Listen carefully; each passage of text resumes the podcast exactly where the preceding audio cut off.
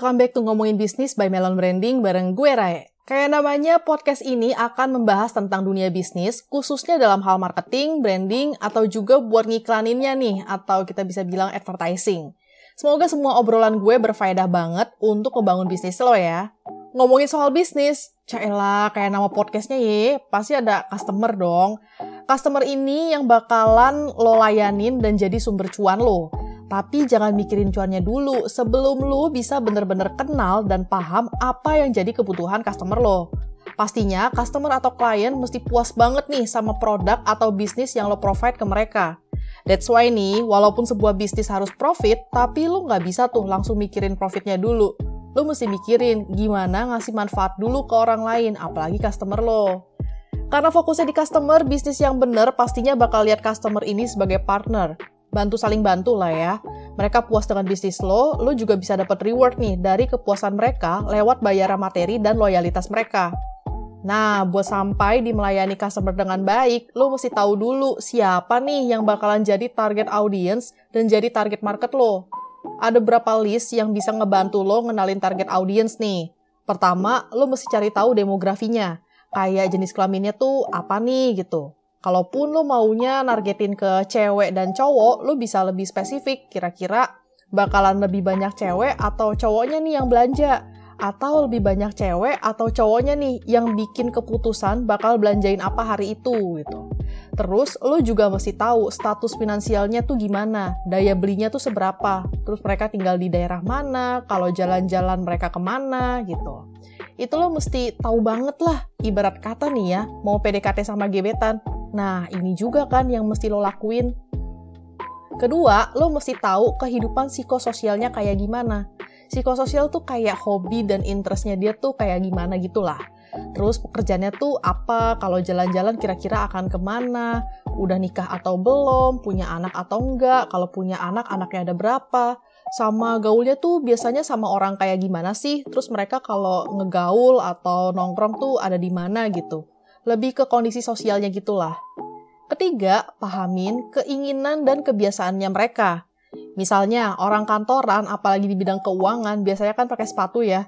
Kalau anak kuliahan, bisa aja tuh mereka pakai sepatu sendal kayak gitu. Atau misalnya pakai sepatu yang bisa buat lari-larian, itu juga nggak masalah gitu.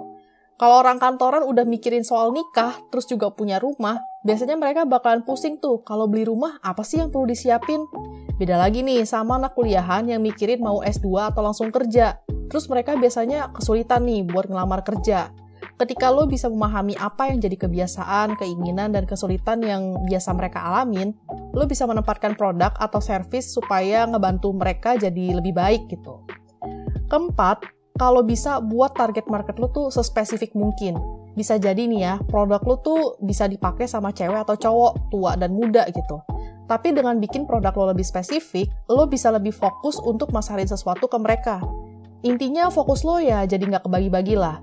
Bayangin nih ya, kalau misalnya lo jualan baju, sebenarnya unisex sih, bisa dipakai cewek atau cowok. Tapi dengan lo bikin klasifikasi kalau ini baju cewek yang emang modelnya gombrong gitu. Yang cewek tuh otomatis maju nih dan langsung check out belanjaannya.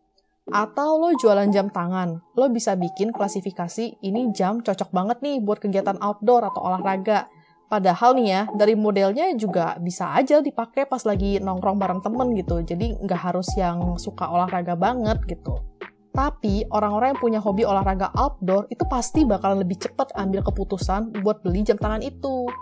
Dari banyaknya cara buat ngeklasifikasiin siapa yang bakal jadi customer lo, banyak juga nih bisnis yang udah tahu customer mereka kayak gimana, itu mereka bener-bener ngebangun profil sendiri nih buat audiens mereka. Biasanya mereka bakalan kasih nama gitu deh ke audiens mereka. Nama ini tuh kadang jadi penting nih, khususnya buat marketer atau orang-orang yang ngebangun branding supaya mereka bisa lebih fokus, ini tuh kira-kira ya brand mereka tuh bakalan diarahin ke mana gitu bisnisnya. Buat customer juga bakalan lebih enak, apalagi kalau nama si profil persona ini tuh dipublish juga. Seakan-akan jadi bisnis ini tuh punya maskot atau misalnya punya body lah gitu untuk customer lo gitu. Seakan-akan bisnis lo tuh kayak punya temen gitu kira-kira ke audiens lo. Pernah lihat kan beberapa akun media sosial yang manggil followersnya dengan sebutan tertentu? sebenarnya itu kayak mereka lagi ngasih tahu persona mereka tuh kayak gimana gitu. Persona ini bakalan bikin lo nggak pusing mikirin model marketing, campaign, atau bentuk iklan yang mau lo buat buat bisnis lo. Pastinya ya bisa lebih relevan juga nih sama target audience. Apalagi nih kalau mesti keluarin budget untuk ngiklan di media digital.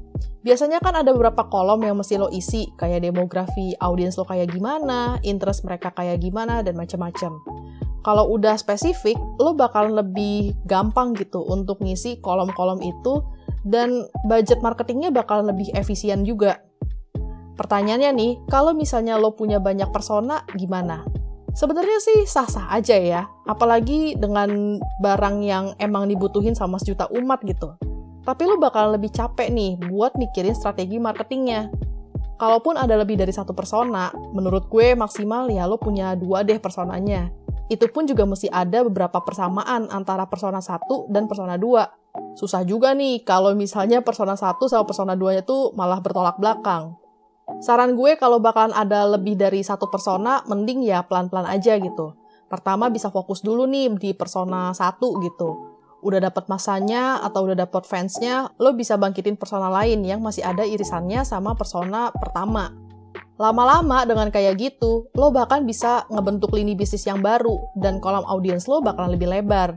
Pastinya kalau mau punya lebih dari satu persona, jangan sampai deh lo lupain hal basic buat nentuin atau memahami audiens lo kayak di bagian awal podcast tadi ya. Nah, itu dia panjang lebarnya gue ngoceh soal target persona. Semoga bisa ngebantu lo lebih fokusin audiens ya. Kalau lo ngerasa ada insight menarik nih dari podcast ini, jangan lupa di-follow. Kita juga punya artikel-artikel seru tentang bisnis yang bisa lo baca di www.melonbranding.com dan konten-konten insightful lainnya di Instagram kita at Melon Branding. Di follow juga ya. Makasih udah dengerin gue ngoceh sampai abis nih. Sampai ketemu di episode berikutnya. Bye-bye!